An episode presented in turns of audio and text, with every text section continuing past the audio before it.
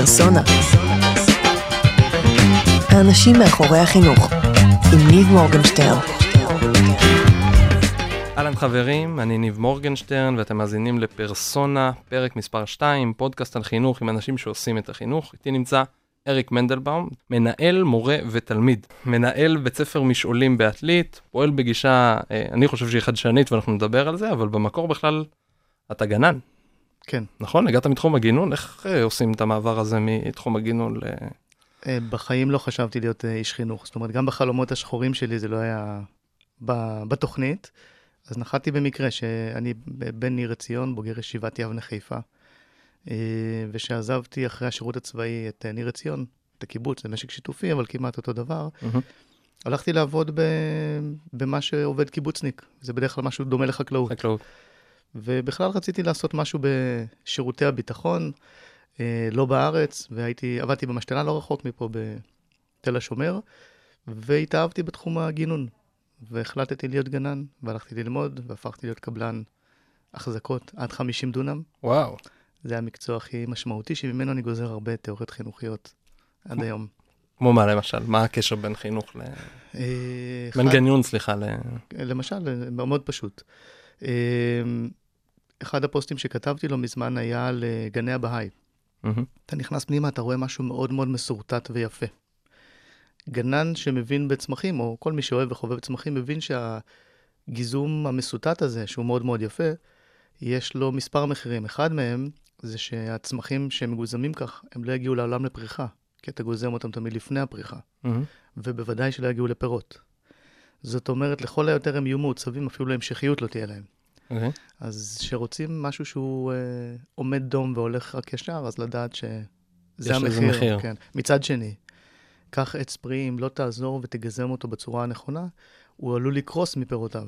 כי אתה צריך לעזור לו, לכוון אותו. אז השאלה עד כמה מעצבים, איפה ומה עושים שם, היא שאלת חינוך ממדרגה ראשונה. וואו. ו- אתה עוסק בזה גם היום? אתה ממשיך לעסוק, ב... זאת אומרת, אתה עוסק בגינון היום, אה, מעט ב- אחר, אחר, אבל... אה, בב- בבית ספר אצלי אני עושה את הפעילות בחירה שהיא גינון. אה, אני מאוד אוהב את התחום, זה תחום שאני מאוד מחובר אליו. הקמתי ב-96 בארץ את הגינון הטיפולי, יחד אה. עם עוד שתי מרפאות בעיסוק, ועופרה ו... שכחתי רגע, ומיכל, וגם דוקטור אליעזר שנהב, וזה תחום שיש לי יסודות בארץ, לשמחתי. הוא היה קיים תמיד, אבל מיסדנו אותו והפכנו אותו לארגון רשמי. יש את התחום שנלמד היום ב... במילה, מה זה הגינון הטיפולי? גילון טיפולי למעשה כמו כל תחום שהוא במיוחד קשור לטבע, כמו טיפול בבעלי חיים, כמו... אה, זה הקשר שמחבר אותך אה, ועושה לך איזון פנימי וגם חיצוני באמצעות העבודה עם צמחים. עכשיו, אה, זה יכול להיות החל משיקום פיזיולוגי. למשל, המועצה לישראל יפה הקימה בזמנו גינה שיקומית בבית לוינשטיין למעלה. אוקיי. במקום לעשות תהליך פיזיותרפי פשוט, שאתה מרים את היד אם מישהו צריך, אז מהמם. תולים את הצמח בגובה המתאים. יש משפכים במשקלים השונים לפי אוקיי. עוצמת, ואתה עושה גם משהו משמעותי. ומרוויח את ה... אז יש איזשהו חיבור, כן. כאילו. אה, עבודה עם תחום, אני בעיקר עבדתי עם אה, פגועי נפש וכדומה, זה העיסוק העיקרי. אה, וגם, דרך העבודה עם צמחים, אתה מחבר למקורות טבע מאוד רציניים, ומחזיר הרבה מאוד יכולות לאנשים. זה קדום. זה קדום, זה לוקח כן. אותנו קצת אחורה. טוב, אולי נתחבר לזה אחרי זה גם ל- לעולם אה, שלנו, של מה שאתה עושה היום בבית הספר. ביקשתי לנו במיוחד בגלל שאתה מציג את עצמך גם כ- כתלמיד, אז רציתי שתספר לי איזשהו משהו שתלמיד או תלמידה לימדו אותך. עכשיו, אני אגיד רגע שנייה גילוי נאות. אני זוכר עדיין את הפגישה שלנו מלפני כמעט שנה, באתי אליך עם שותף יקר שלי, אורי גור אריה, אמ, והיינו אצלך, אני זוכר את זה טוב, ואמרת, רגע, נכנסו שתי ילדות בכיתה, אה, בכיתה ב', יושבים סביב שולחן עגול בחדר של המנהל, זה, אני אתאר לכל מי ששומע, זה לא חדר מנהל אה, אה, טריוויאלי, כי זה גם חדר המנהל וגם חדר המורים לדעתי, נכון? וזה הכל על הכל על הכל, הוא גדול, שולחן עגול, אה, מה שנקרא אין היררכיה, יושבים ביחד, והתחילו הבנות לדבר ולספר אה, על בית הספר. זאת אומרת, עוד לא אמרת לנו מילה חוץ משלום, בואו שבו והיה ופלות, אני זוכר, לא כמו ופלות שקנינו עכשיו, אבל ופלות אחרות. אה, ואז אני זוכר שהם הסבירו לי קודם כל למה, למה הם הגיע להם, כי בפעם קודמת שהיה ביקור, נכון, מה היה? אה, הבטחתי להם, ובסוף הם לא יכלו לארח אותם, אה, קרה שם איזה משהו, פשלה שלי. והם הגישו נגדי כמובן תלונה. או כמו, אני יכול להשתמש במונח שהם השתמשו בו, בציטוט, כן. כן? בלבולי אריק. זאת אומרת, אנחנו יושבים ביחד, זה חדר המנהל, דמיינו חדר המנהל, יש אורחים, ואומרים, תקשיבו, אריק פשוט לא הפסיק את בלבולי האריק שלו, ושפטו אותך, אבל על משפטים לספר אחרי זה. אז בוא, תספר איזה משהו שלימדו אותך באמת, למרות שאני מרגיש שאתה, יש הרבה שיעורים. כן. יש הרבה מאוד. קודם כל, שיעור ממש לחיים שעזר לי. אה, עוד בתקופה שהייתי מנהל בחינוך המיוחד, אה, שני ילדים, לא נגיד מאיזה עיר בשביל לא לעשות אה, סטיגמות, לימדו אותי איך פורצים מנעולים. או, יפה. אה, זה אחרי שגיליתי שהם קצת אה, פרצו במקומות הלא נכונים. זה עזר לי מאוד אה, במקומות שבהם הייתי צריך אה, או לחלץ לפעמים, או כל מיני דברים כאלה. מקומות חוקיים. אני- כן, כמובן, לא. כמובן. אבל זה היה שיעור מילדים בכיתה ד' וה'. כן, וואו. ברור, כן. הם היו אה, כנראה עובדים אחר הצהריים ובאים לנוח בבית ספר. טוב, אולי אחרי זה נצלם וידאו שאנחנו עושים אה. פריצת מנעולים קצת, מעולה. ונוסיף את זה לפודקאסט. מאוד יעיל. זה יכול להיות הוידאו הראשון שלך ביוטיוב, נמצא איתנו פה, אה, אה, מתנאל, נכון? נתנאל, כן. נתנאל, סליחה, נתנאל הבן של אריק, שאמרת שאתה רוצה להיות גם יוטיובר, נכון? אז הנה, יכול להיות שיש את הדרכה- סרט הדרכה הראשון. הראשון, בדיוק. בטוח יהיה לזה הרבה צפיות. אה, דבר שני, זה היה אחד התלמידים, אה, נקרא לו שין, שהוא גידל אותי בתור אה, איש חינוך, כמו ילד ראשון, כי הרי לחינוך נחתתי במקרה. יש הרי את הסיפור, ילד ראשון, אתה זוכר, בולע מטבע, רצים איתו לבית חולים, שליפת תקפה, בלגן. ילד שני, אומרים, יצא בקקי. ילד שלישי, מורידים לו את זה מהדמי כיס. כיס. אז הוא היה הראשון, זה שלא לא משנה מה עשיתי, זה לא היה מספיק טוב מבחינתי. ויום אחד ככה בצוות חשבו שלאור התנהגות לא טובה, הוא לא יצא לטיול. ואז הוא בא אליי, מתיישב ואומר, אה, אני מגיש נגדך תלונה, אני שואל אותו על מה. אז הוא אומר, איזה מין דבר זה לא, להוציא אותי לא, לא להוציא אותי לטיול? מה, אתה תגיד לי למשל כי לא התנהגתי יפה לא להיכנס לשיעור מתמטיקה? או לא להיכנס לשיעור אנגלית? טיול זה אה. שיעור כמו כל דבר אחר. וואו. רגע, זה קרה באיזה בית ספר? בבית ספר שאליו נחתתי, בית ספר לחינוך מיוחד, שם הפכתי להיות איש חינוך. אני, יש לי ותק כמנהל יותר מאשר ותק כמורה. אוקיי. כי אה. נחתתי במקרה לאיזשהו בית ספר שלא היה מי שיחזיק אותו, וביקשו ממני בינתיים, עשיתי. תוך כדי הסבת אקדמאים, ו... מדהים. רגע, אז מה זה משפט? מה זאת אומרת שופטים? אני, אני לא יודע, אני כאילו כשהייתי הולך לחדר המנהלת, או אני עובד היום בכמה בתי ספר ועם, ועם מורים ומנהלים, אם כבר זה קורה הפוך, כן, לא קוראים לזה משפט, אבל אם כבר זה קורה הפוך, מה זאת אומרת תלמיד מגיש משפט על מנהל? אז זה ככה, קודם כל זה נקרא אצלנו באמת, התהליך עצמו נקרא ועדה לעם, למען עתיד משותף. אוקיי. אבל זה לא מספיק סקסי. הילדים, זה זה לא קליט, זה לא כמו כן. Nike, זה לא... עכשיו, לי מאוד מאוד חשוב, גם כן באחד ה... אני חושב שגם העליתי את זה, איזשהו שיר ככה ל...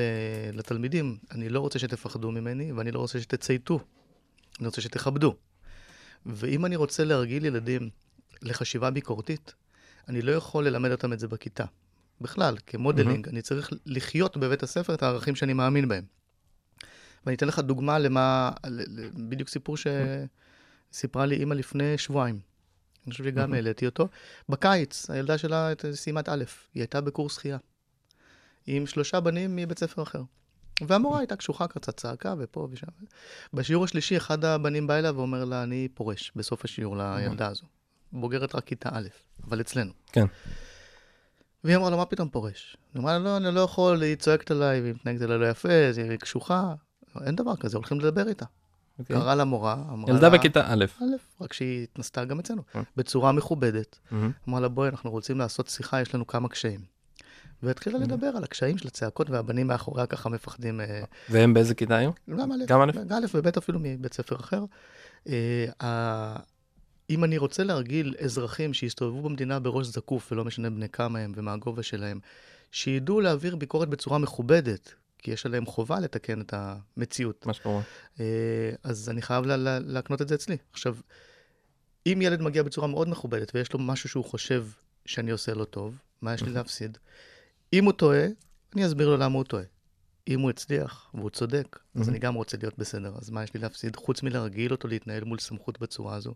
וזה משהו שמאוד מאפיין לא רק את בית הספר שלנו, אני חושב שבכלל בתי ספר פרוגרסיביים בארץ. מהמם. אתה נכנס לבית ספר כזה, הילדים ישר שואלים אותך מי אתה. כן. כי נכנסת לבית שלהם. נכון. בבית ספר רגיל, בדרך כלל מי... אתה- שהמבוגרים יעזבו אותי בשקט, כן. מה שנקרא.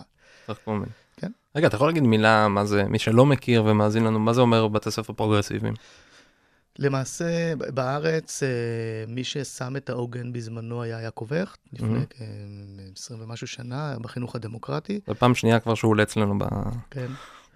אה, ומאז יש, יש גם לפני כל מיני זרמים, אה, החל ממריה מונטסורי בזמנו, מהמם. לא, לא בארץ, בהיסטוריה של החינוך, ועוד כל מיני אנשים שטענו שבית ספר, המטרה שלו היא להצמיח ולהפריח את הילד, אפרופו גינון, אוקיי. ולא להשתמש בילד כאובייקט כדי לחנך אותו. הרי בתי הספר, במהותם, המודרניים, הם נוצרו במהפכה התעשייתית השנייה, אם אפשר לקרוא לה כך, אחרי קרל הגדול, במטרה להכשיר אנשים לפועלי ייצור, בפס ייצור הישן, לא פס ייצור של היום. ואזרחים נאמנים וחיילים טובים, אוקיי. שחלק מזה לא השתנה עד היום. כל האכזבה שלנו היום, מפני זה שזה לא באמת תורם לחיים ולא עוזר לאזרחות וליצירתיות, זה, זה אכזבה שהיא מיותרת. בית הספר לא נועד לכך. בתי הספר הפרוגרסיביים אומרים, רגע, בית ספר לא נועד כדי להפוך את הילד למבוגר מסוים, אלא כדי לפתח אותו, לצמוח מתוכו להיות המבוגר שהוא צריך להיות. ויש הרבה יותר כבוד לילדות. הרי כשאתה נכנס לבית ספר, נקרא לזה קונבנציונלי שמרני. כן.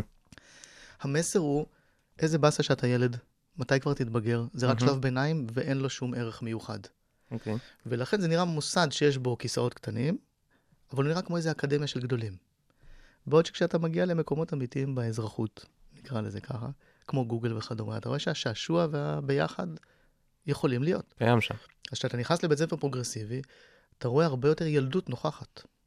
החל מזה שהקירות יכולים להיות הרבה פחות מעוצבים דווקא עם עיצוב גרפי או גופן כזה או המורה לאומנות, אלא של הילדים עצמם, כמו המקרר בבית. כן. ממשיך בזה שהרבה דברים שבבית ספר שמרני לא מאפשרים אותם, כי יש עניין ניכר של שליטה בבית ספר שמרני, כמו תחפושות. ילדים מאוד אוהבים משחק סוציו-דרמטי. כן. ואם אתה מביא להם תחפושות, הם אוהבים להתחפש ועד גיל מבוגר. ואין שום בעיה שגם בשיעור חשבון ימשיכו עם התחפושות, אז יהיו לך מלכים ונסיכות שפותרים תרגילים. מה הבעיה? זה ילדות. למשל, אני עומד בשער בדרך כלל, כמעט כל בוקר, אלא אם כן משהו לא מתאפשר, במיוחד בתחילת שנה, אני עומד כמעט תמיד עם דובי, כזה או אחר. ילדים שבאים מהגן, מסר מאוד מאוד חשוב, הילדות לא נגמרה. אפשר לבוא אפשר עם דובי. להמשיך. זה... מהמם. וילדים בד' מגיעים לפעמים. מגיעים לפעמים חלקם דובי? עם איזה אובייקט מעבר מעניין כזה, כזה או אחר. או ספיידרמן שלהם, או לא משנה מה. חייבים לתת מקום לילדות. אה, ואם בית ספר רוצה לשים באמת את הילדות במרכז, אז הוא צריך להיות... אה, לאפשר את זה. כן. זה נשמע כמו בית ספר גם שהמורים צריכים להיות, אה, מה שנקרא, קצת אחרת. אז מה זה אומר להיות מורה בבית ספר משונים? קודם כל, אני חושב שהשאלה העמוקה שעומדת ביסוד החינוך היא לא איזה חינוך, איזה חינוך או איזה פדגוגיה, אוקיי. אלא אני חושב שהשאלה שעומדת בבסיס זה לשם מה אתה חי, מהמם. ואז משם אתה גוזר את איזה אדם אתה רוצה להיות ובאיזה עולם אתה רוצה לחיות, ואז אתה מחליט איזה בית ספר אתה רוצה שיהיה. אז לשם מה אתה חי? וואה. אני חי כדי, אני באופן אישי, אני חי כדי לנסות להיות אדם יותר טוב, ולעשות את העולם הזה יותר טוב. בגלל זה כתוב לי על הדלת, אני לא יודע אם זה היה שהיית שם, במשרד זה נמצא בן אדם שבסך הכל רוצה להיות אדם יותר טוב, אנא עזרו לו. אוקיי. ויש ילדים שבאים מדי פעם, ובאים לעזור? באתי לעזור לך להיות אדם יותר טוב. ומה? תן לנו דוגמה, נגיד. אז. לפעמים מסתלבטים עליי, כמובן. אוקיי. אה, באתי לעזור לך להיות אדם יותר טוב, יש לך איזה משהו טעים לתת לי לאכול. יש לך הזדמנות להיות נדיב, מה שנקרא. או למשל, יש, אה, אפרופו המשרד, תכף נרחיב עליו טיפה, אבל ב- במיוחד לאלפים, כי הוותיקים כבר יודעים, החדר שלי בדרך כלל שורץ ילדים, בבית ספר החדש אין לי משרד, דרך אגב, כתפיסה. Mm. אז אני אומר להם, בהפסקות, ומתי שיש לכם זמן, תבואו למשרד, כי משעמם לי שם נורא. עכשיו, הקטנים, בגלל שהם נורא נאיבים, קרה לפני שבועיים שבאה הילדה, הביאה משחקים מהבית, מהמם.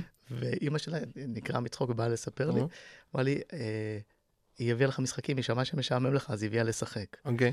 ולכן, אם כבר לפעמים צריך להשתמש בסנקציות, וגבולות זה לא מילה גסה, מהמם. אז אני יכול להגיד לילד, אתה שבועיים לא בא למשרד שלי. אין לך אוקיי. כניסה למשרד, זה הפוך. אוקיי. אה, כי אני רוצה שיהיה מצב שאם אני קורא לילד לשיחה או אליי, הוא לא מפחד. לא רק שלא מפחד, הוא אומר, וואו, בטח יש לו משהו מעניין להציע לי לעשות. וואי, זה הקטע. איזה תפיסה. זה, אבל הנה, נגיד פה עם הילדה הזאת, איך אתה מאזן את זה? כי אמרת נאיבי, כן? וכאילו הדבר הראשון ש... שחשבתי, רגע, אבל בגלל שאני קצת מכיר אותך, ממש קצת, אה, אתה לא ציני. זאת אומרת, שאמרת את זה, לא היית ציני. ממש לא. אוקיי, אז איך, איך כאילו... אני חושב שזה לא בעיה, הבעיה היא לא לפחד מזה שבטוח ילדים יעברו את הגבול. אוקיי. ו... לא כש- לפחד מזה, אתה אומר. ממש לא. כאילו, לה- להבין, הם הולכים לעבור את הגבול, וזה בסדר, זה זה זה העניין, התפקיד כאילו. שלהם. אוקיי. אה, וויניקוט כותב ב... באחד מהמאמרים המפורסמים, שילד בריא בנפשו, הוא מתנהג לעיתים בבית שלו מול הוריו, מהמם. ממש כחולה נפש שמנסה לשבור את אמות הסיפין, והתפקיד של ההורים זה להגיד, אתה יכול לנסות, אי מהמם. אפשר לשבור. כן. אבל זה התפקיד שלו. אם לנסות אין אבל- לו את זה, דרך אגב, הוא הולך שם לאיבוד. ולכן אני חושב שבהיבט של הגבולות הללו, אם למשל אני, אני אעמוד בשער ויבוא ילד וייתן לי, ויש לי עכשיו אחד מאלף ככה שמתבלבל, ובמקום לתת לי ככה כיף כזה, כמו שאני עושה עם כל אחד שרוצה, נותן לי איזה צ'פחה בטוסיק. אוקיי. אז כמובן לא מול כולם, אבל אחר כך אני אקח אותו הצידה, אגיד לו, שמע, זה לא, זה לא מתאים. זה לא מכובד, זה לא לעניין, אבל אני רוצה לעשות את זה ברמה כזו, לא שאחר כך הוא לא יתקרב אליי ויהיה במדרכה השנייה, אלא שימשיך להיות כמה קרוב שרק אפשר, אבל יבין שאת זה לא עושים. כן, ובפעם הבאה שהוא ייפול, אוקיי. נחזיר את זה. כן. אני חושב שזה נו- נובע, דרך אגב, היסטורית אצלי בחיים מה... מהתקופה הדתית. אוקיי. כי מרוב הסייגים בממסד הדתי, רק ביום שהחלטתי שאני הולך להיות חוטא, מהמם. בין אדם למקום, כמובן, לא לחברו, אז התחלתי לפגוש את אלוהים מבחינתי. זאת אומרת, המ- המרחק שמא, שמא, שמא, שמא, גורם לך להיות כל כך רחוק מהמפגש עם הדבר, אוקיי. שאתה כבר לא זוכר לשם מה אתה נמצא שם. ואני חושב שברחק זיקה ד- מ- נכון בין מבוגר משמעותי לילד, מהמם. שזו מהות החינוך, זה מהות החינוך, או אחד מהאבנים, לא יכול להיות שלא. זה כמו בין הורות מסוימת. זאת אומרת, חייב להיות מצב שבו יש בדיקת גבולות, יש מעבר של הגבולות, וצריך לתת את הגבולות בצורה כזו, לא כדי רק לשמר את הסדר, אלא מתוך תפיסה עמוקה שזה המעשה החינוכי. כי אם אתה מסתכל, ב... מה המעשה החינוכי? לעבור גבולות זה המעשה החינוכי? לבנות את הגבולות הפנימיים של הילד, מהמם. ולא לכפות אותם מבחוץ, אוקיי. בלי שהילד גם בונה... יש מצבים קיצוניים שאתה חייב מבחוץ. כן. אני לא מדבר על הפרעות התנהגות קשות וכדומה. כן. ילד רגיל צריך אה, לעבור את המסע הזה. עכשיו, אם אתה קם בבוקר, והשאיפה שלך כאיש חינוך זה שקט תעשייתי, זה בעיה. אתה מבין שהשקט בכיתה, מי שהכי זקוק לו זה המורה, הורה. כי הוא צריך שישמעו אותו. למרות שרוב הדברים שאנשי הוראה אומרים בפרונטלי, שאצלנו אין כמעט פרונטלי, מיותרים, חבל על מהמם. הזמן. אני מושיב מורים לפעמים לשעה וחצי, שעתיים ישיבה, הם מטפסים על הקירות. מהמם. ואז אני אומר להם, אתם עושים את זה לילדים 6-7 יום. שעות, מסכנים? אה, אז ברגע שמאפשרים את המפגש הזה, המפגש הזה צריך להיות בו אנשי חינוך, כי אני חוזר לשאלה שדיברת על איזה אנשי חינוך, אנשי חינוך שרוצים לפגוש את החיים. אוקיי. אדם שקם בבוקר ושואל איך אני רוצה להיות אדם יותר טוב, איך לעשות את העולם הזה יותר טוב, וחוזר לשאלות של גיל, גיל העשרה, לשם מה החיים ולשם מה אני קיים כאן, הוא ימצא את התשובות שלו לחינוך, הוא יעשה טעויות, וזה בסדר גמור, זה מבורך. אלו אנשי, האנשים שצריכים בכלל לעסוק בחינוך. אחרת, מה, אתה בא להעביר ידע? לא צריך היום, בדיוק דיברנו לפני שנכנסנו, כדי כן. ללמוד לעשות uh, קליפים וזה, לא צריך מורים. שמעת? חבל על הזמן. אוקיי. את המתמטיקה, שזה אחד התחומים הקשים היום, לומדים רק בסרטי וידאו. מהמם. יש לך את החאן אקדמי וכדומה, אתה יכול אה, לבד לחלוטין.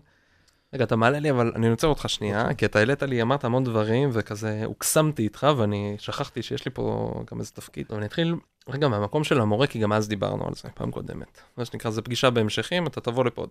אין בעיה. אה, אבל לא לקריית אונו. בדיוק, לא לקריית אונו. עכשיו, אני אסביר למי שלא יודע, זה שאנחנו קבענו לי, אפשר לחשוף את ה... ודאי, אנחנו ודאי. קבענו להיפגש בשעה אה, 12 וחצי, פחות או יותר, פה במרכז הבינתחומי הגעתי בהרצליה. בזמן. כן, הגעת לפני הזמן. כן, אפילו נכון. קצת, זה, 12 ועשרה, הייתי באמצע משהו עם שותף שלי, ואתה אומר לי, בוא החוצה, אני בחנייה, יופי, וכבר נכנסת לבניין, אני אומר, וואו, איפה אתה? אני עומד, מסתכל. כן, בקריית אונו, לא? אז, אז לא.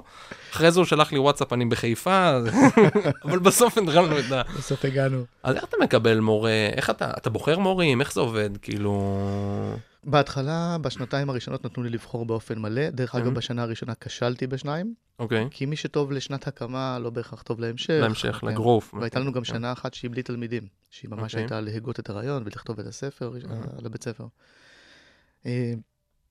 אה, אבל היום אנחנו נחזור עוד, אנחנו נלך בוחר. עוד שנייה אחורה, אבל... הצוות עוזר לבחור, לא אוקיי. אני בוחר. מה זאת אה, אומרת? זאת מה זה הצוות עוזר לבחור? שמישהו רוצה להגיע, מפרסמים. אוקיי. מי אה, מפרסם? אנחנו, היום לא צריך לפרסם, כי יש לנו רשימה של אה, מלא אנשים שרוצים לעבוד אצלנו, אז אנחנו אוקיי. מודיעים להם ביום זה וזה יהיה ראיונות. אוקיי.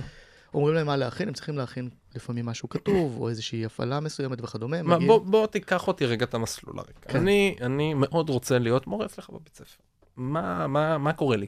קודם כל, אתה צריך לרצות להיות מחנך. מה זאת אומרת מהמם. מחנך? מישהו שלוקח קבוצה של, שנקראת כיתה, אצלנו זה נקרא בית, וללוות אותם ברמ"ח אבריהם ושס"ה גידיהם כאיש חינוך. אוקיי.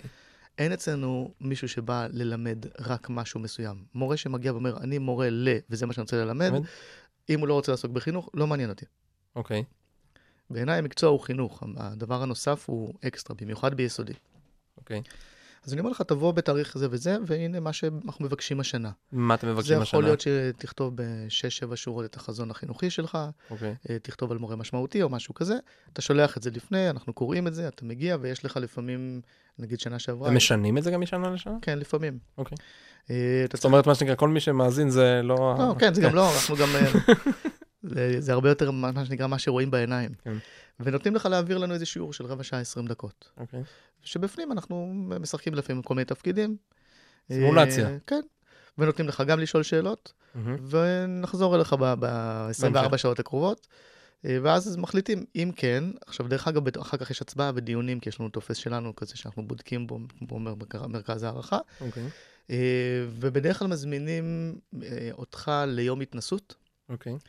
שתבוא לאיזה שעתיים שלוש לעבוד מול ילדים, מהמם. כאשר מי שבדרך כלל נמצא שם כדי לצפות בך, זה אנשים שנתנו את הניקוד הכי נמוך. אוקיי. כדי לוודא מה קורה שם, כי זה אנשים שפחות חשבו שהם בעדך למשל, מהמם. כדי לראות, כי הרבה פעמים קרו לנו מקרים שבן אדם להציג את עצמו מול מבוגרים זה אחרת, ומול ילדים היה מצוין, שונה. והפוך, יש וואו. כאלה שהם מול מבוגרים מצוין. ו... ילדים. עכשיו, אה, כל בית ספר יכול לעשות את זה, למעט מצבים שבהם גם מנחיתים עליך מורים, וזה קורה במערכת, השנה זה כבר מהמם. התחיל, גם אצלנו. שני, שתי מורות קיבלתי, אוקיי. שהמערכת חייבת להם קביעות, של משרד החינוך, אנחנו בית ספר. ציבורי רגיל, כן. שיהיה ברור, לא גובים עוד כסף. הכסף הרגיל, שזה גם שונה מבתי הספר הפרוגרסיביים האחרים בארץ. שהם גובים, יש להם אישור לגבות יותר כסף. תשלום נוסף.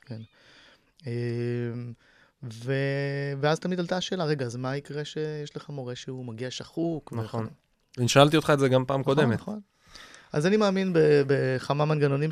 ו- ובוא נראה, כי ציטטתי אותך לא מזמן בפוסט שלי שכתבתי על אנשים ועל שיחה בכיתה, לא, אז אני רוצה לראות אם הציטוט שאמרתי אז תקף גם היום, אני מניח שכן. היו שני דברים. אחד, כן. אני חושב שאין הבדל בין תלמיד לבין מבוגר. אוקיי. מבוגר זה ילד שחייב כסף. ולכן, אני לא... והרבה-. כן, אפרופו השיחה שיחה מקודם. מקום. ו... אני חושב שלא ראיתי אדם שמגיע לעבודה ולא רוצה להצליח בה. לא מכיר אדם שלא רוצה להיות מאושר.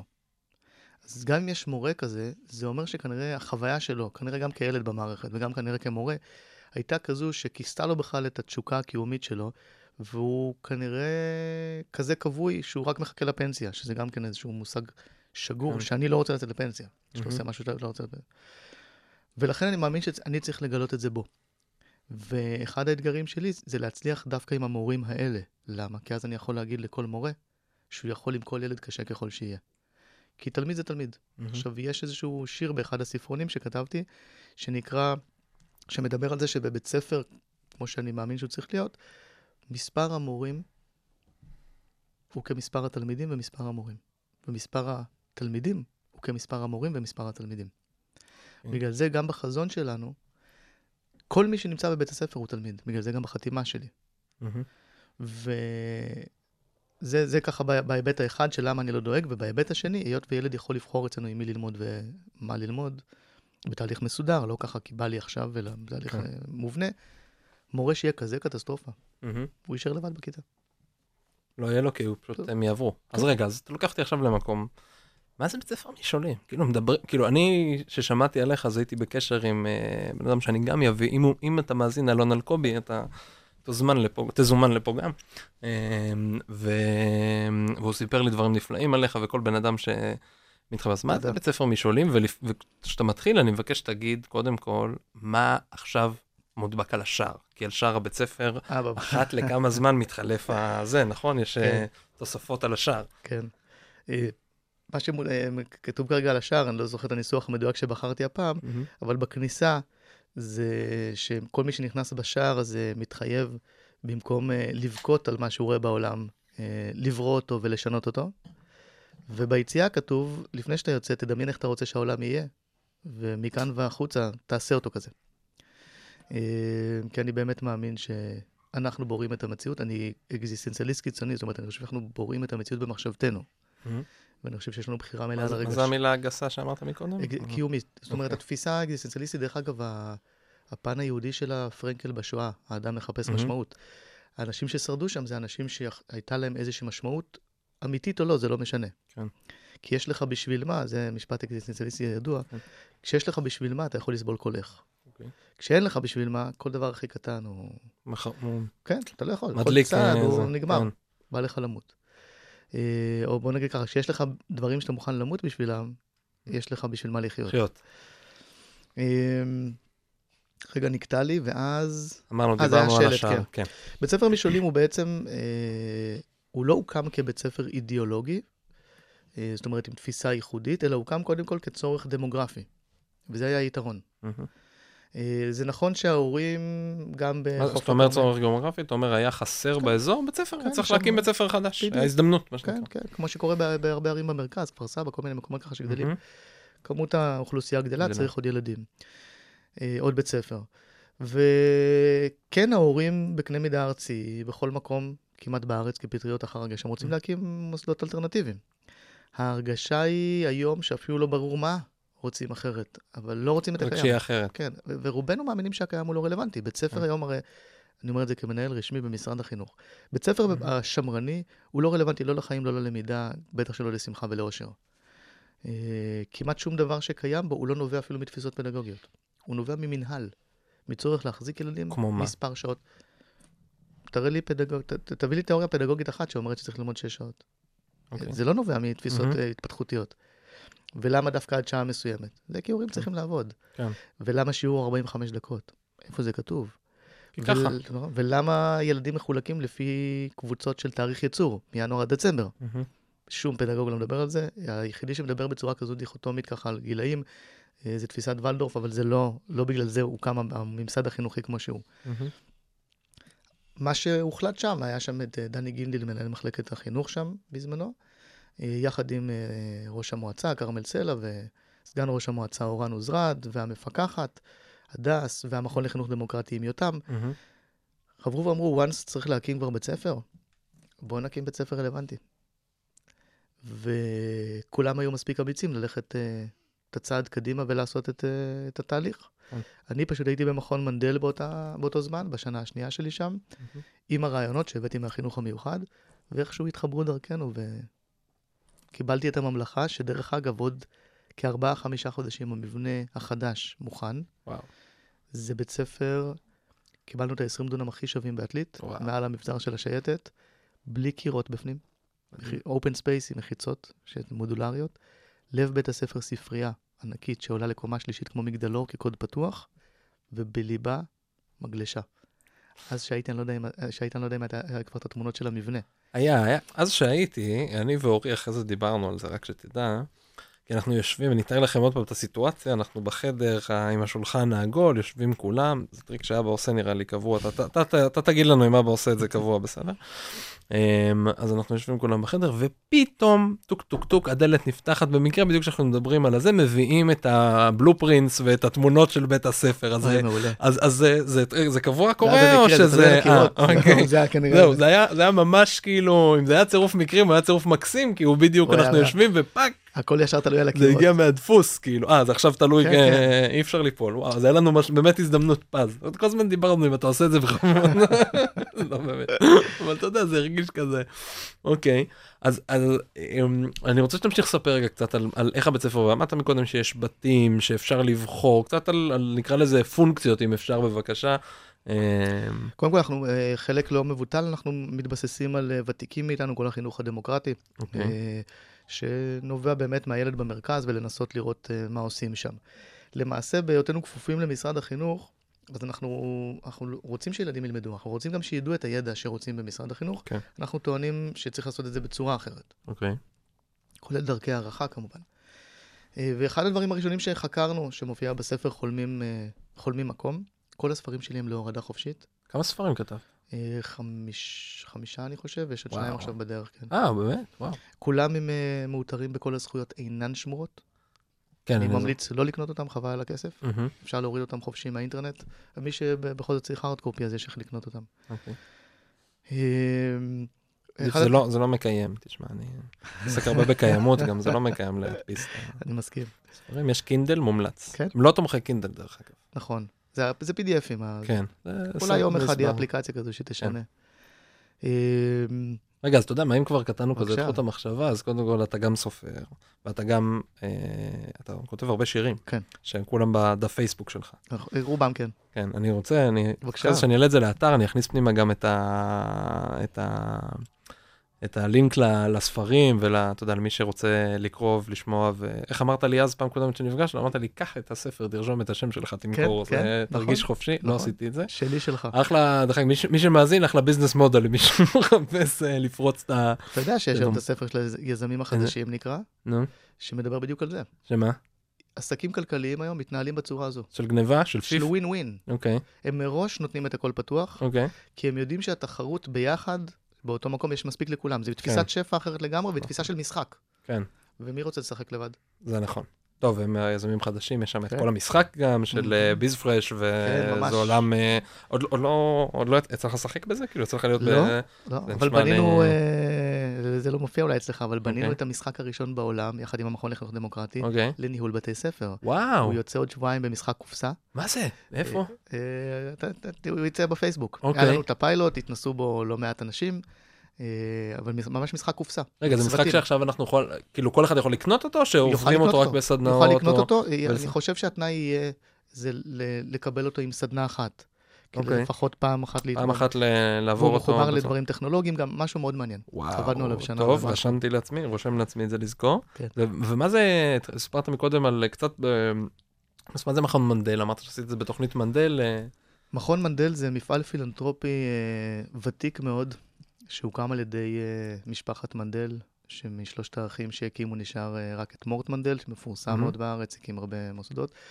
ואני הייתי מחזור כ"ב, כבר יש היום מחזור כ"ה או כ"ו, ועוד כל מיני תוכניות שהם עושים. הם למעשה בוחרים לכל, בכל שנה אה, 20 מועמדים, פחות או יותר, מכל הארץ, מהמם. יהודים, ערבים, אה, דתיים, חילונים, אה, נשים, גברים, מהמם, שרוצים לעשות פרויקטים פורצי דרך עבור המדינה, בעיקר בחינוך. אוקיי. שנתיים אתה חייל מלגה, אסור לך לעבוד, יומיים. בירושלים בפגישות אה, לחץ כאלה, מקום שתומך בך לצאת לכל מקום בעולם, להיפגש עם כל מי שאתה רוצה, ואחר כך נותן לך תמיכה מקצועית לכל החיים. ושם התחלת לחלום כאילו על בית הספר? כן. וואו. שם באתי מההתנסות בחינוך המיוחד, עם התובנות, ואמרתי, זה מה שצריך לעשות בכל המגזר הציבורי, וזה הייעוד בעצם. ומה יש לנו? מה, עוד פעם? אז, לא, אז אני אומר, ומה יש לנו היום? אז. אז היום, אנחנו אחרי חוזרים עשינו כזה, אנחנו כן. פה קופצים, כמו נכון, שאתה נכון, רואה, זה אני. ואני, לא, אז הפסקתי במשחק מנהלים הזה, אתה... כן. אה, אז למעשה, כשהתחלנו בספר שכתבנו אה, בשנת הקמה, שזה בלי תלמידים, שזה סטארט-אפ מעולה דרך אגב, בית ספר כן. בלי ילדים זה אדיר, מדהים. התיאוריות עובדות מעולה. רגע, כמה אנשים הייתם? מה זה בית ספר? היינו ארבעה. אוקיי. אני ליום בשבוע שיכלו לעבוד דרך אה, תנאים מיוחדים של שכר, שזרם דרך המכון לחינוך דמוקרטי. והתחלנו לשאול את השאלות. מי זה הארבעה האלה? אם אפשר... אה, כאילו, השמות שלהם אני זוכר בספר, קראתי חלקו. מי- שנשאר איתנו זה תום ותמר, אוקיי. אה, שאני ממש מקווה שבשנה הבאה תמר תהיה הסגנית, גדלנו כבר לגודל משמעותי. אה, ונוספו עוד הרבה, אנחנו כבר בית ספר, כבר, היום לא קטן, אנחנו 220 ילדים, אה, תשע כיתות עם כיתת חינוך מיוחד אחת. בשנה הבאה כבר נהיה 380, כי יש ביקוש אדיר, יש רשימת המתנה. בכל מקרה, הדברים שהתחלנו לחקור שם, אה, זה אחת השאלות הראשונות הייתה, מה זו למידה? ואחת השאלות השניות הגדולות זה הייתה, אה, לשם מה בית ספר? אוקיי. אז מה זו למידה? אנחנו הגענו למסקנה שלמידה היא תהליך בלתי נמנע. זאת אומרת, אה, אולי אחד המקומות היחידים שלא לומדים בהם זה בית ספר. אני חושב שזה היה אוסקר ויילד שאמר שבגיל 6 נאלצתי לקטוע את לימודיי וללכת לבית הספר. ספר. אה, בבית ספר אתה לומד את מה שדוקטור אה, פרופסור יורם הרפז אומר, פוליטיקה של למידה והשתתפות. כאילו, אתה לומד להרים את היד, מסתכלים עליך, 20 דקות יש לך שקט. וכאלה. שזה טוב גם לאקדמיה, כי גם שם כן. אתה צריך להעביר ארבע שנים, שבינינו, כולנו עברנו את זה לפחות עם תואר אחד. כן. אה, אז התחלנו לבדוק מה זה למידה, ואמרנו, אין, אין משהו שהוא לא לומד.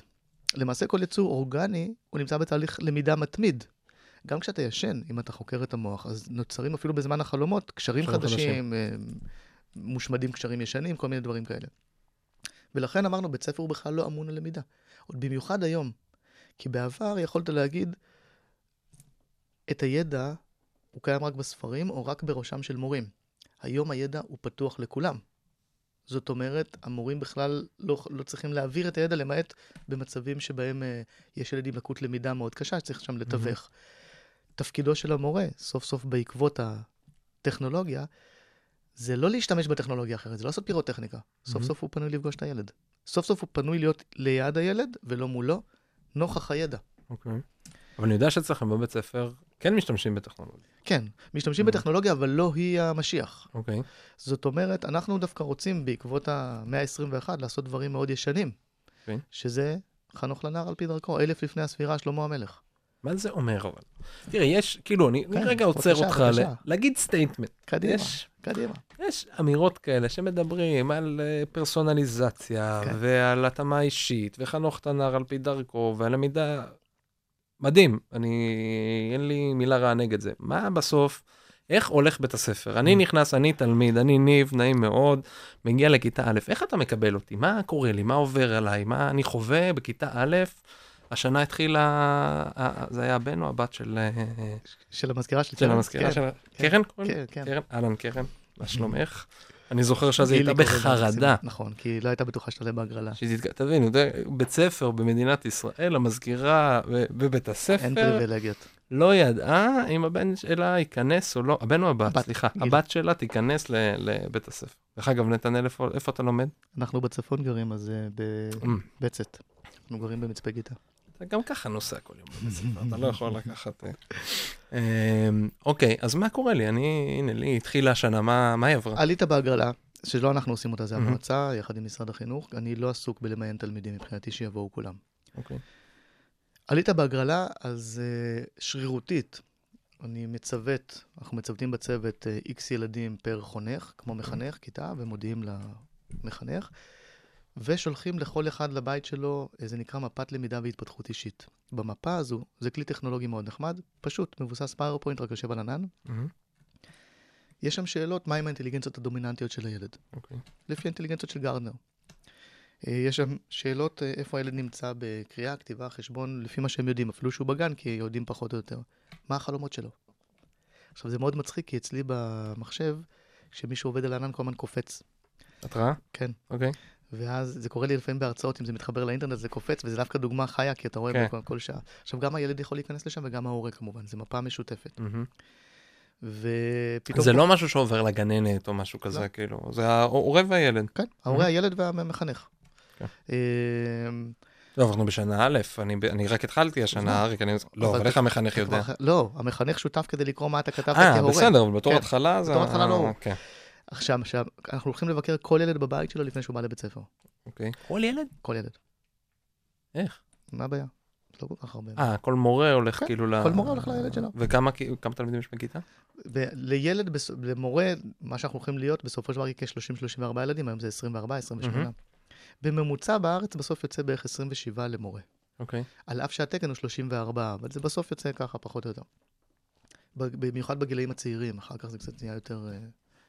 פחות טוב. אז מלינית או תופף? אה, ואז החונך מגיע גם לדבר עם ה... להכיר את הילד, להכיר את החדר מהמם. שלו. עכשיו, תיזכר טוב, זה ילדים בגן. כן.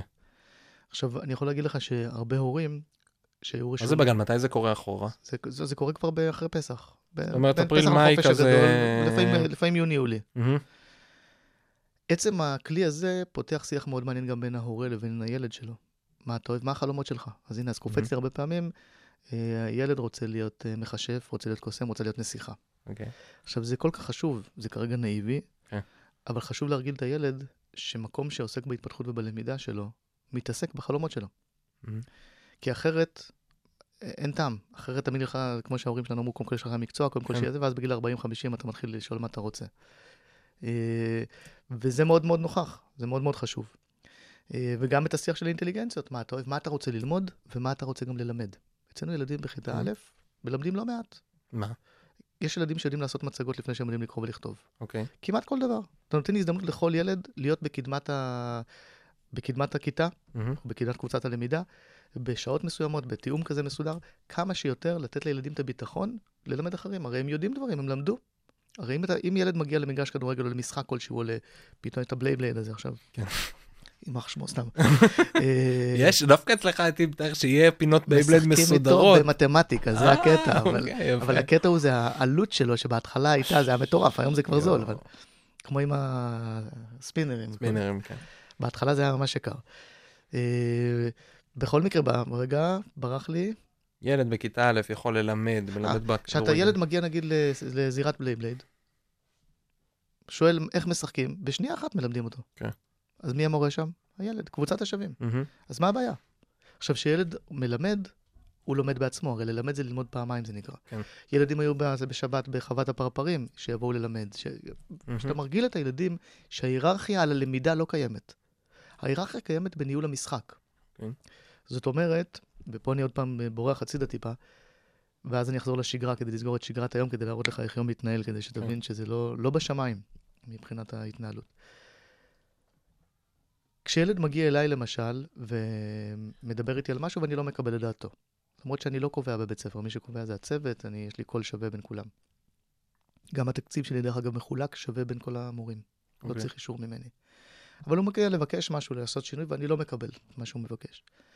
אני אגיד לו, תשמע, אתה חייב לכבד את מה שאמרתי, כי זה כללי המשחק, בדיוק כמו ששופט בכדורגל מרים כרטיס אדום, גם אם כל המצלמות ראו שהוא טועה, זה כללי המשחק. מהמם. יחד עם זאת, יכול להיות שאני טועה. ואתה, חובתך, אם אתה חושב שאני טועה, לבוא בהפסקה ולעשות פה הפגנה כי אני טועה. וכך אוקיי. טושי וכך בריסטול. זה בדיוק הדיאלקטיקה הזאת. אוקיי. ולכן, גם בתהליך עצמו של הלמידה, אנחנו לא רוצים שיהיה היררכיה בלמידה. למידה צריכה להיות שווה. את זה הבאתי מהישיבה, דרך אגב. כשיושבים על סוגיה בגמרא, זה לא מעניין אותי איזה רב אתה ואיזה... המטרה שלנו למצוא את האמת שם, כן. למצוא את המחלוקת. מהמם. ומחלוקת היא לגיטימית, ובוא נריב עליה. כי מה זה משנה מי יצליח לשכנע את מי? שנינו רוצים את אותה מטרה, להיות יותר למדנים. מהמם. וזה מקום שהוא מאוד מאוד לא נוכח בלמידה, בלמידה השמרנית. הלמידה השמרנית משתמשת בלמידה מהמם. ככלי לשליטה. החטא הקדמון של החינוך השמרני, אני משתמש בציונים ובחומר ובכדומה, כדי למנוע ממך לעשות לי בלאגן במוסד הזה שנקרא בית ספר. אוקיי. יהיה לי שקט. יהיה לי שקט ממך בדיוק. מהמם. כי אחרת, אם באמת אני אתן לך להתנהל ככה, קודם כל נגלה שרוב השעות לא צריך, כי אף אחד לא לומד שש שעות. מהמם. ומעבר לזה, פתאום נגלה שיכול להיות שיש דברים שאתה יודע יותר טוב ממני. אבל להפך, לומדים שש שעות. אמרת שלומדים כל. הזמן. לא, אמרת ש... כן, אני מדבר אפשר על ללמוד, בשיטה הזאת אף אחד לא באמת לומד לא לומד נכון. שש שעות. אתה עושה כאילו, אתה לא... אבל אתה, אבל אתה לוקח כאילו, אתה יוצר פה אנרכיה, אריק. מה זה? לא, אתה אומר פה, צריך תפגין לי ברחובות. תפגין מולי, אבל תפגין בצורה מכובדת. מה זאת אומרת אוקיי. בהפסקה, לא בזמן שיעור? כן, אסור לקחת טופסי תלונה בזמן שיעור. אוקיי. אה, וחוץ מזה, תביא טיעונים סדורים. עכשיו, כשילד מגיע במצב כזה, אה, זה לא תפגין, זה תבוא, תגיש את הטופס תלונה שדיברנו עליו לא, אתה מקודם. יכול גם להפגין. לא, אני בראש דמיינתי כאילו ילדים. מתחילים שלטים, כמו רוטשילד, עושים צעדה. אסור, אסור, אוקיי. על כל מיני דברים. כן, אבל שההפגנה תהיה עם- משהו סדור. עם קייס. כי אז כשאתה מביא את זה, אתה עובד איתם על איך לכתוב טקסטים, זה שיעור שפה. איך אתה מביא את הטיעון. ואז כותבים לך איזה 20 משפטים, מה המשפט של הטיעון שלך, מה המסר שלך, מה... ואתה עושה את הבעיה. זאת אומרת, אתה רוצה להגיד לי, אני סתם, אני מדמיין את זה רגע ברוץ, זאת אני ניב, אני מפריע לך, עשיתי בהפסקה, באת אליי, אמרת לי, "אה, כרטיס אדום, הכל זה, אתה רוצה לשאול, עכשיו אני עצבני עליך, אני עצבני עליך, ובעצם מה, שאתה- מה שקורה פה, כאילו, בעצם אתה אומר, אתה עצבני עליי? מעולה, תרשום, תפגין, תרשום עליי נכון. תלונה, ואז פתאום זה נהפך, כאילו, איך נראה השיח פתאום עכשיו בין ה... מהילד העצבן, אני כאילו לפעמים רואה בחלק מהמקומות שאני... אומר, ילדים כועסים עכשיו עם מורה או מורה, מישהו אמר משהו, הוא נכון. עצבני עכשיו, אתה לא יכול לכבות אותו, ומה קורה שם? לא צריך לכבות. אוקיי, צריך לתת, לתת, לתת לגיטימציה לכעס. יש גם איזה פוסט שנקרא אלימות כן בבית ספרנו. אוקיי. אני לא רוצה שתהיה בשקט ותהיה רגוע. לא זה מה. שאני רוצה. אני רוצה הפוך, אני רוצה לתעל את הכעס שלך למקום הפרואקטיבי. אוקיי. כי אחרת אתה תשב בבית ותקלל את, אה, את הממשלה שאתה לא אוהב אותה, ולא תעשה עם זה כלום. אה. אני אומר, קח את זה למקום הפרואקטיבי, גם לא. מקום שסתם משמיץ, אלא תבוא גם עם הצעות. אצלנו אסור להציע, אסור סתם להתלונן, אתה חייב לבוא עם הצעה גם לפתרון. וכן לדבר על הכעס הפנימי. זאת אומרת, במקום שמרני אין זמן לדבר עם הילד. מהמם.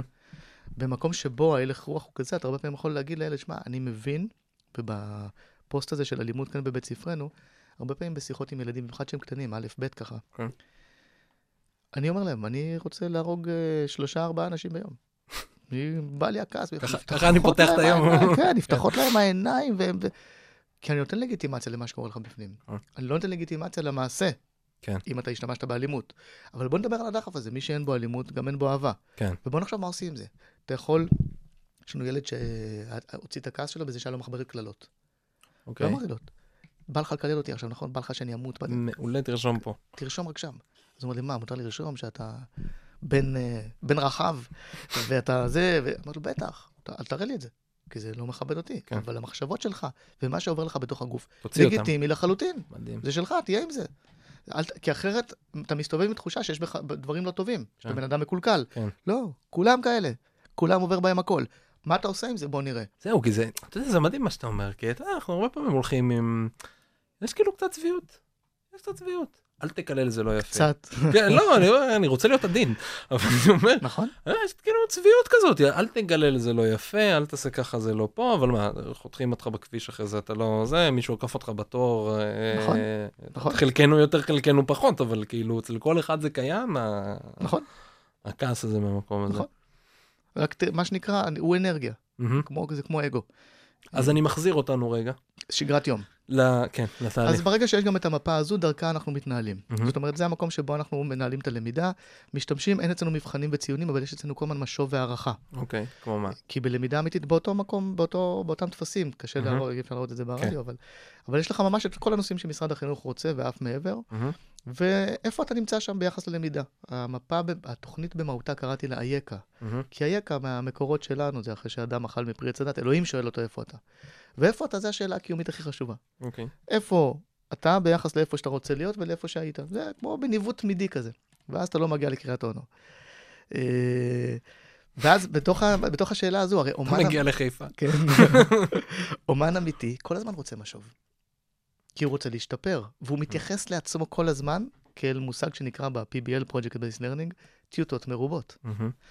בעוד שאנחנו גדלנו בתקופ... בגישה שבה הערכה, התעודה, היא משהו לא משמח. אתה גם לא היית, היית מעדיף לא לקבל אותה, ואתה גם מעניין, שואל את עצמך כל הזמן, מעניין כמה קיבלתי ב, למה? כי זה סגירת חשבונות, זה כל כן. מיני. אומן אמיתי עולה, אתה נותן לו ביקורת, הוא אומר תודה רבה, לוקח את מה שהוא רוצה, לא לוקח את מה שהוא רוצה, וממשיך קדימה. ככה צריכה להיות למידה. אז בלמידה אמיתית, המשוב והערכה נוכחים כל הזמן. אז איך קורה משאבה ו...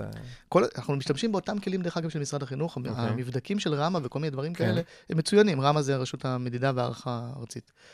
אה, אין לנו בעיה להשתמש בכלים שבודקים האם אתה יודע לחבר חסר עד 20 וכדומה, רק לא צריך לתת. לזה ציון, כן. אלא להגיד לך איפה אתה נמצא בידע הזה ומה אתה צריך לעשות שלב הבא. הציון יש לו מטרה אחת, לדרג אותך ביחס לאחרים. והסטנדרטיזציה הזו, מהמם. במהותה, היא אלימה.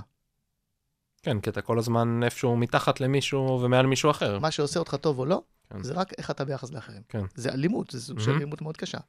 ודרך אגב, בתרבות שלנו זה או אפס או מאה, אין אמצע. כן. אה, אז שם, אז המפה הזו איתה מתנהלים, ילד מגיע בבוקר, הוא מגיע לבית שלו, זה נקרא בית, שם עושים פתיחת יום וסגירת יום. מהמם. בדרך כלל פותחים במדיטציות אצלנו, כל מיני דברים מאוד מעניינים, מעגלי שיח כמובן. כל השיעורים לא פרונטליים, אז הזמן שילד יכול לפנות למבוגר הוא נוכח כל הזמן. כי כמעט לא תראה מבוגר מדבר לקבוצה של ילדים כן. שמשייטים בגלי אלפא. ואז מה שעשינו, רגע, הכיתות הן גילאיות או רב גילאיות? רב גילאיות. מה זה אומר? זה אומר שילד יכול לבחור באיזה בית להיות, באיזה אוקיי. קבוצה שמתאים לו. אה, אני חושב שבגלל הצמיחה והכניסה, כן לפי גילאים, בגלל, בגלל, בגלל צורת ההתנהלות במדינה, בחינוך, בכלל בעולם, כי מהמם. צריך כן להכניס בגיל מסוים, אז אה, נוצר של רוב הבתים יהיו דו- דו-גילאים לפי דעתי, מהמם. לפעמים תלת גילאים. הפוטנציאל הוא איך שרוצים, זאת אומרת, רגע, ילד בכיתה א' יכול לבקש ללכת לבית, בטח. ילד בן 6, בוא נגיד, בטח. אין לה... אין- קודם כל יש לנו ילד בגיל 6, אוקיי, או בגיל א', אנחנו קוראים לזה ככה אצלנו. אוקיי, אה, יש אצלנו ילדים באלף שלומדים עם ב' וג' אה, שפה וחשבון. אוקיי. כי ילד שעולה לכיתה א' ויודע לקרוא ולכתוב, מהמם. אם אתה לא תיתן לו אפשרות ללמוד איפה שמתאים לו, לא חובה, הוא, הוא כן. צריך להיות נעים לו שם. כן. אבל בעצם השיעור הראשון שאתה מעביר לו, זה הסילבוס הסמוי. למידה היא לא רלוונטית בעצם למה שאתה צריך. זה החנוך לנער על פי דרכו. מהמם. וילד שרוצה לעבור, ילד יכול לעבור מכל מיני סיבות, זה יכול להיות מקבוצת חברים, זה יכול להיות מחונך, יש לי כימיה עם החונך הזה ולא איתך. אה, אז יש את הפתיחת יום, סגירת יום, שזה, כל הבית ספר בפוטנציאל שלו הוא רב-גילי. לעולם לא נגיד לילד, אתה לא יכול ללמוד שם. השאלה שלנו תהיה היחידה, למה אתה חושב ששם טוב לך? בוא נבדוק שבועיים שלושה, ואם זה בסדר, חותמים. חוזה למחצית, מה שנקרא. לא הצלחתי להבין מקודם, יש ילדים היום. שהם בגיל א', והם יושבים בבית של אה, גיל ו'? בבית לא, בחשבון שפה וכל המקצועות כן. באלף עדיין לא, כי החודשים הראשונים קלטנו אותם כשכבת גיל הכי גדולה בבית ספר, אוקיי. לאור הביקוש, מהמם. ואז נוצר מצב שהם הומוגנית שם. אוקיי. אז כבית לא, להמשך נראה לי במחצית השנייה או בשנה הבאה הם כבר ירצו להתערבב יותר. כי רוב היום הוא לא בבית. תסביר. רוב רגע, היום- שנייה, אני חשבתי, אני מכיר, אני מגיע, מה זאת אומרת? אני מגיע לכיתה, קראת לזה בית, בסדר, זה מה שנקרא שריטה שלך, אבל הבית הוא העוגן. מה זאת אומרת? זה הפתיחה והסגירה, שמת שם שם את התיק שלך, את התא שלך וכדומה. אוקיי. כל שאר הלמידה, ילד באלף, ב- בשפה כן, חשבון עדיין לא, אבל גם אוקיי. תכף אני אסביר איך אנחנו עושים את זה, הוא מתנהל כמו בקמפוס. מה זה אומר? זאת אומרת, אה, שיעור שני הוא לומד שם למעלה עם ג' ד', אה, קבוצה אחרת, בית אחר קוראים לזה, את השיעור השלישי פה, את, יש לו מערכת אישית, יש לנו למעשה, בתוך המערכת הגנרית, מהמם. מספר מערכות כמספר הילדים. אוקיי. בבית ספר החדש יש לנו לוח, לוחות המראה ונחיתה, זאת אומרת, איפה מתקיים איזה למידה. ממש כמו ב... לפעמים בתיכונים זה לא מתנהל ככה, אוקיי. אלא ב- במכללות ואקדמיה, כבר מגיל צעיר. ילד מתנהל במרחב גדול של בית ספר, והוא הולך למקום שנכון לו ללמוד בו. הוא לא ילך לשום מקום בגלל הגיל שלו, או בגלל, לא יודע, איזה קבוצה שרירותית. Mhm. השאלה תמיד זה איפה נכון לו להיות. אני בשיעור רביעי באוניברסיטה, בדרך כלל לא בכיתה. אז מה, מה עושה אותו ניב בכיתה א', שגם כן נגיע שיעור רביעי ואיפה מקום לא נכון, ומרגיש שעכשיו לא נכון לי להיות. אז זה הולך ככה. אוקיי. קודם כל, זה לא יכול להיות שזה מעכשיו לעכשיו לא נוח לך. אוקיי. אנחנו עובדים על דחיית סיפוקים, ופה אנחנו שונים מהתפיסה הפרוגרסיבית הנפוצה, מהמם. ששם ילד שלא רוצה לא נמצא בשיעור. אנחנו, אין, אין דבר כזה, אנחנו אקזיסטנציאליסטים, זאת אומרת, אנחנו טוענים מהמם.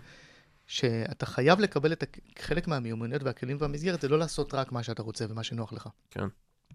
עוד הפוך, אני נמצא בדילמה פנימית, כי אני טוען שמי זה האדם החופשי באמת? זה שחופשי בראש שלו. כן. זאת אומרת, האדם החופשי באמת, אם הייתי רוצה לגדל אנשים חופשיים, בכלל לא הייתי צריך להקים בית ספר פרוגרסיבי, אלא להקים סוג של בית כלא יותר מבית ספר, ולסגור אנשים בשתיים על ארבע, ולעבוד איתם מדיטטיבית על זה שלא משנה מה הם מקבלים ומה יש להם, הם חופשיים בראש. כי בן אדם שכל הזמן נמצא בפינוק של אני עושה רק מה שנעים לי, וזה תלוי בחוץ ולא בי, מהמם. הוא לא בורא מציאות, הוא קורבן של נסיבות. אוקיי. אז אנחנו נמצאים באמצע. הדמוקרטים קוראים לנו שמרנים והשמרנים קוראים לנו אנרכיסטים. אוקיי. אה, אז בתוך אותו תהליך, למשל, חילקנו את בית הספר, למשל שפה וחשבון, לומדים כל בית הספר באותן שעות. אותן שעות. למה? כי אז זה מאפשר באמת שאם ילד נכון לו ללמוד בקבוצה אחרת, הוא יכול ללמוד בה. הבנתי. כי אתה עושה את זה רוחבית. מהמם. וגילינו עוד משהו מאוד מעניין, שהוא גם לא חידוש. אה, כל הלמידת רבת מלל, תנ"ך, היסטוריה, מדעים, כל הדברים האלה, כן. בעצם מבוסס על היכולת האוריינית שלך. גם לנהל שיח, גם להבין את הבנת הנשמע. ולכן אנחנו לומדים אותם באותה קבוצת שפה, שהיא לפי הסגנון והרמה. וואו. והיא חוצת גיל. תגידו, זה לא מלא ניהול הדבר הזה? זה לא מלא ארגון, מלא התעסקות, כן, בהתחלה, מלא- הרבה בהכנה. אוקיי. זאת אומרת, צריך להכין את הכלים הנכונים, מהמם. צריך לבנות את המנגנונים הנכונים, ואז בשוטף אתה אני- עובד יותר קל. כי אני, תראה, אני עובד עם הרבה... טוב, עכשיו צריך להתחיל לנהל את הזמן שלנו, אני מסתכל, כן. אבל אני, אני, אני, אמ, אני רואה, יש לך שעון שם מאחור. אמ, אני רואה הרבה, אני עובד עם בתי ספר, כן. שמאוד מעוניינים, אה, תוכנית אישית, רב-גילית, בקבוצות, לא יודעים מאיפה להתחיל, מאיפה מתחילים. רגע, אני שם לי מעיל. מעיל זה חשוב, שלא יהיה לך פה קר. כל בעלי הקרחות. כן, אבל אני חושב שהזקן שלך מכסה על ה... זה. אני צוחק על הילדים שלהם, יש קרחת בסנטר. הפוך. מה זה אומר? מתחילים הפוך? ככל שבית הספר גדל, אני כמנהל עובד יותר קל. אני הרי מסתובב בהרבה חדרי מורים ויושב עם הרבה מנהלים כדי לעודד אותם לעשות את המהפכה, כי זה מה שאני רוצה. אני גם טוען שאפשר ומותר, ואפילו מומלץ היום על פי משרד החינוך לעשות את כל הדברים האלה. ממש כתוב שחור על גבי לבן. תחשוב על זה בצורה מתמטית פשוטה. א', אם אתה בונה את מסלולי הלימוד כמה שיותר מבוססי משמעות לילד, זאת אומרת, הלמידה היא רלוונטית לילד, מהמם. יש לך הרבה פחות בעיות משמעת. אוקיי. א', ב'. שתיים, אם רוב השיעורים לא מעבירים אותם מורים, זאת אומרת, הטיול, הש- השיעור לא, בנו- לא, לא תלוי במורה, אלא יש למידה עצמית. Project Based Learning, קבוצות שצריך הרבה להכין מי לומד עם מי ומה מכינים. השיעור לא תלוי במורה, המורה נוכח שם כמבוגר שתומך למי שצריך עזרה. הוא בעצם יושב שם באיזשהו, בסביבה, ומחכה שיפנו אליו לראות מי צריך עזרה. הוא עובד פחות קשה בהיבט להחזיק קבוצה של 40. אם אתה מוותר על השליטה, והעניין העיקרי בבית ספר שמרני הוא שליטה. החשש הקמאי בבית ספר שמרני, שהאסירים ישתלטו על הכלא. בגלל זה, דרך אגב, אין מספיק הפסקות. למה שיהיה הפסקות? כדי שלא... יהיו אינטראקציות. לא, גם אין לך כן. מלא כיבוי שרפות. עכשיו, כן. איזה הרגלי חיים אתה צריך לתת לך- לאנשים? בעיקר לשפר את המיומנויות הבין-אישיות שלהם. כן. מתי זה יקרה? אף פעם. בשיעור אתה יושב פרונטלית, אסור לדבר אחד עם השני, זה מסר ראשון. בהפסקה אין לך כמעט זמן. כן, גמר. יפה. שקט תעשייתי. ותגיד, אבל אתה חושב שזה משהו שאפשר ל... בתי ספר קיימים היום. יכולים לעשות את התהליך הזה? לא רק שיכולים, חייבים. הרי בתי ספר קיימים היום, או, או שמרנים נקרא לזה, אני לא... כי יש גם בתי ספר מצוינים. ה- השיטה לא עובדת כבר כל כך הרבה שנים עם, עם, עם, עם הוכחות, עם ציונים, עם הכל, עם מה שאתה רוצה. כן. אה, אז, אז למה לא לעשות את השינוי? בית ספר בכלל אמור לתכלל את הלמידה, צריך לצאת מהקונספט בכלל שבית ספר הוא מקום. מהמם. בית ספר צריך להיות המקום שעוזר לך לתכלל את עצמך כיצור לומד.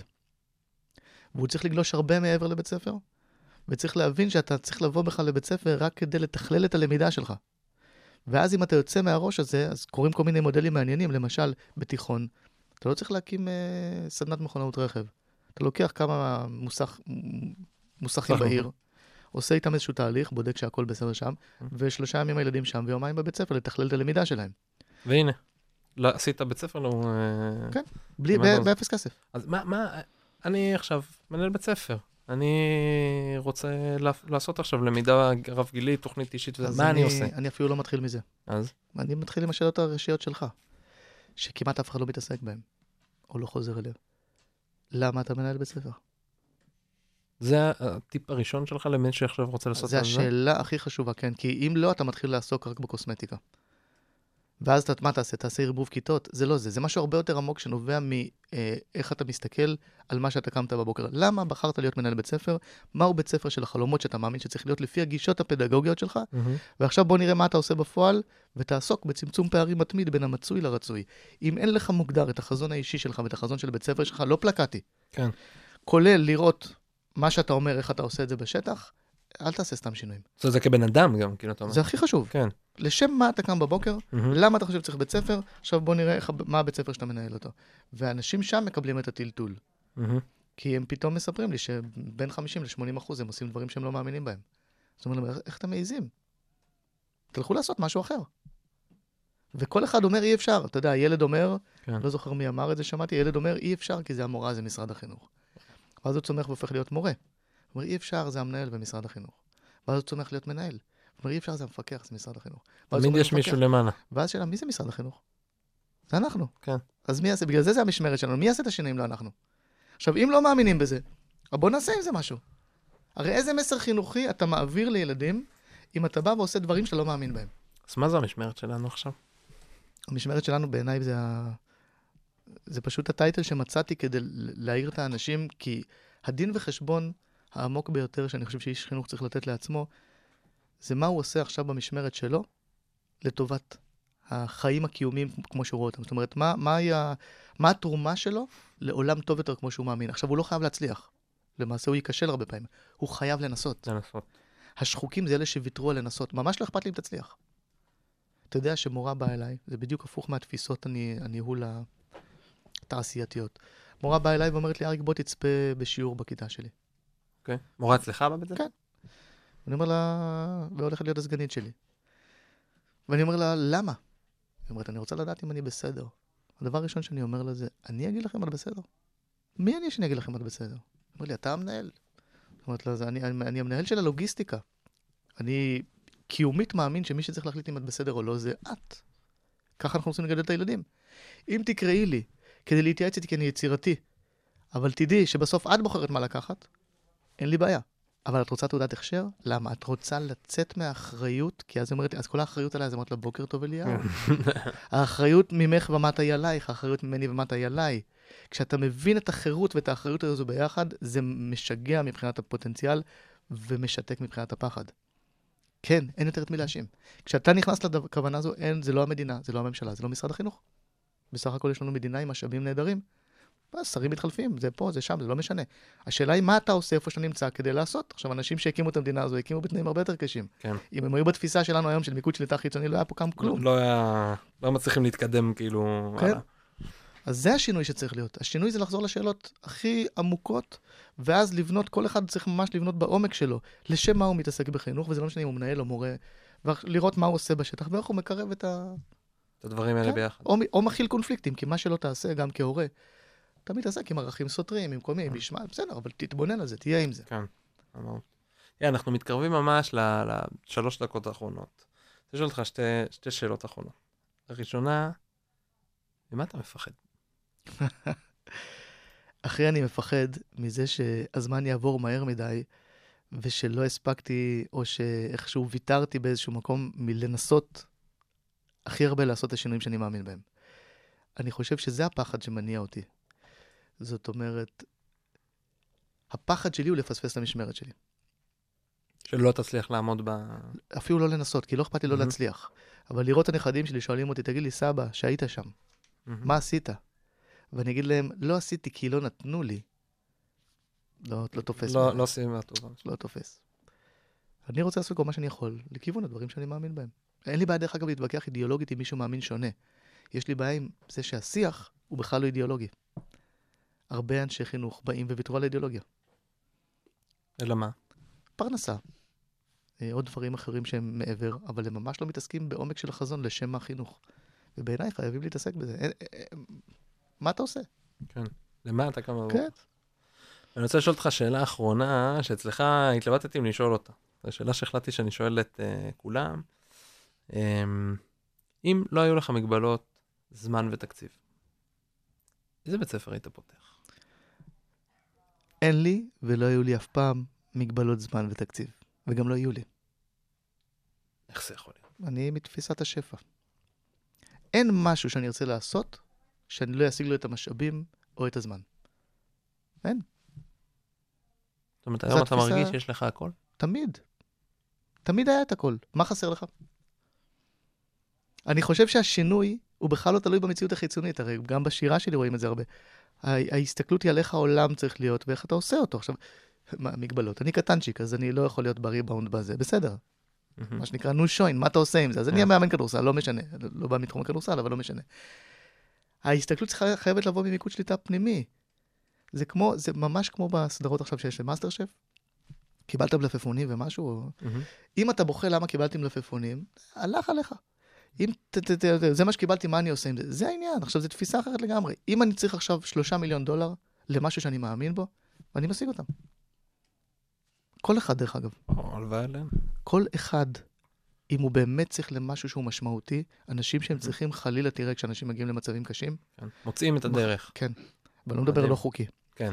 כי אני חושב שאם אתה יוצא אבל מהאני האישי, זאת אומרת, אין צריך מיליון דולר כדי לקנות פרארי, נו. לא, משהו באמת אמיתי, אתה תשיג, אתה תשיג גם את האנשים, אתה תשיג הכל. לא חסר שום משאב, לא היה חסר שום דבר. אפשר לעשות, וגם צריך לנסות לעשות הכל. וחייבים להיכשל כמובן.